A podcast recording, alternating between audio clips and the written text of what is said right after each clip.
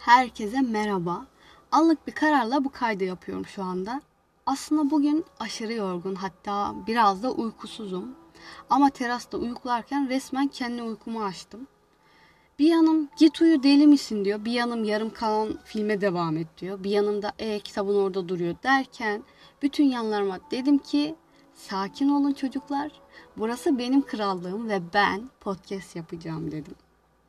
Ve saat şu an 1'i 8 geçiyor.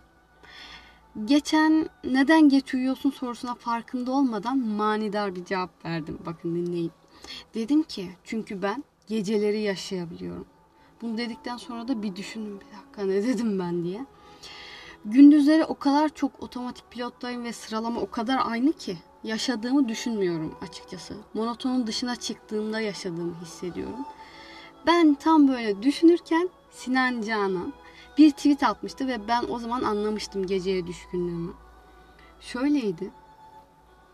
Gündüzleri hayatlarında fazla kontrol sahibi olmayan insanların gece uyumayı reddederek özgürlük yaşamaya çalışmasına intikam amaçlı yatış ertelemesi deniyormuş. Gece kuşlarına duyurulur demiş bir tweetinde. O zaman anladım ben. He oldum bir kendim hakkında. Bu girizgahtan sonra kitaplara geçebilirim artık. Evet, kitaplara iki tane öykü kitabıyla geldim. Umarım farklı türlerden kitaplarla şaşırtıyorumdur sizleri. İlk kitap ve benim ilk keşfim. Muhtelif Evhamlar kitabı. Ömür İklim Demir. Bu yazardan önce öykü kitaplarını sorsanız yani pek de sevmem derdim ama bana yeni bir boyut kazandırdı. Öyküler o kadar aramızdan dil o kadar güzel ki. Aynı zamanda Haldun Taner öykü ödülü gibi birçok ödülün de sahibi bu kitap. Öykü kitaplarının olayı bence aramızdan gayet içimizden olan hikayeyi sana düşündürerek, güldürerek, bazen de üzerek geri veriyor. Biz bizden yanlarına tutunduğumuzdan seviyoruz bu hikayeleri belki de. Diğer kitap Ayna Merdiven, Ferhan Şensoy. Evet, Ferhan Şensoy. Benim gibi bilgisizliğine hayret edenler varsa tekrar söyleyeyim. Ferhan Şensoy aynı zamanda bir yazarmış ve bir sürü kitabı var.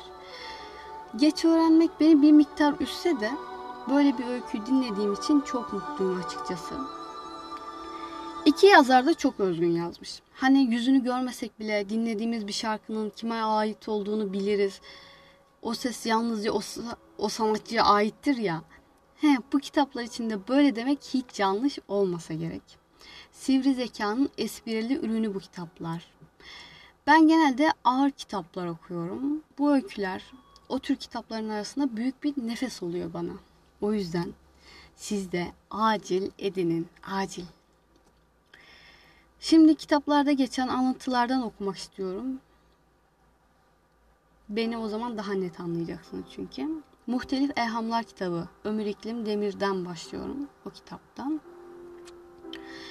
Bir kızı çuvala koyup vurmayı anlatan neşeli türküler var. Ve ne tuhaf değil mi? Kan içinde bir çuval, içinde ölü bir kız. Herkes o kadar birbirinin aynısı ki gelenler gidenleri ya da gidenler gelenleri aratmıyor. Galiba bu yüzden kalabalığın yalnızlıktan bir farkı yok.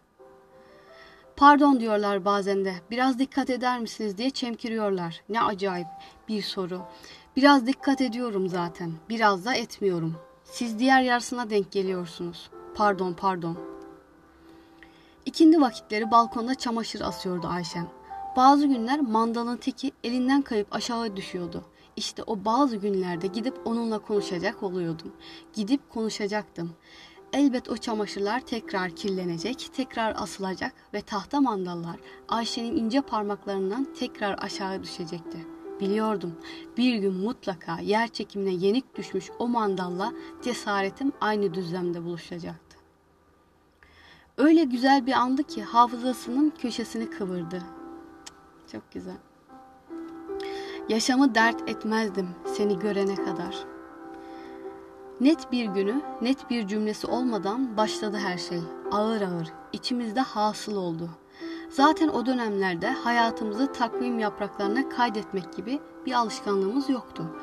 Bir ölümlerin tarihini bilirdik, sayıları artınca onları da bilemez olduk. Evet, Ferhan Şensoy'un Ayna Merdiven öyküsünden geçen alıntılardan okuyorum şu an. Kilisenin yanındaki köprüden suyun öbür tarafına geçtik. O tarafa vuruyordu ikindi güneşi. Suyun kıyısındaki çayıra yayıldık. Kitaplarımızı açtık. Gerinerek okumaya koyulduk. Saat kaç dedi Georges. Bize ne dedim. Bir an duraladım. Öylece kala kaldım. İşte bu bir an duralamalardan, öylece kala kalmalardan geliyor başımıza galaktik asal felaketler. Bir şeyin yasaklanması o şeyi yapmaya davetti Alaturka beyinlerde. Hanginiz seyretmediniz kendinizi temiz bir camda? Hoşça kalın, kitapla kalın.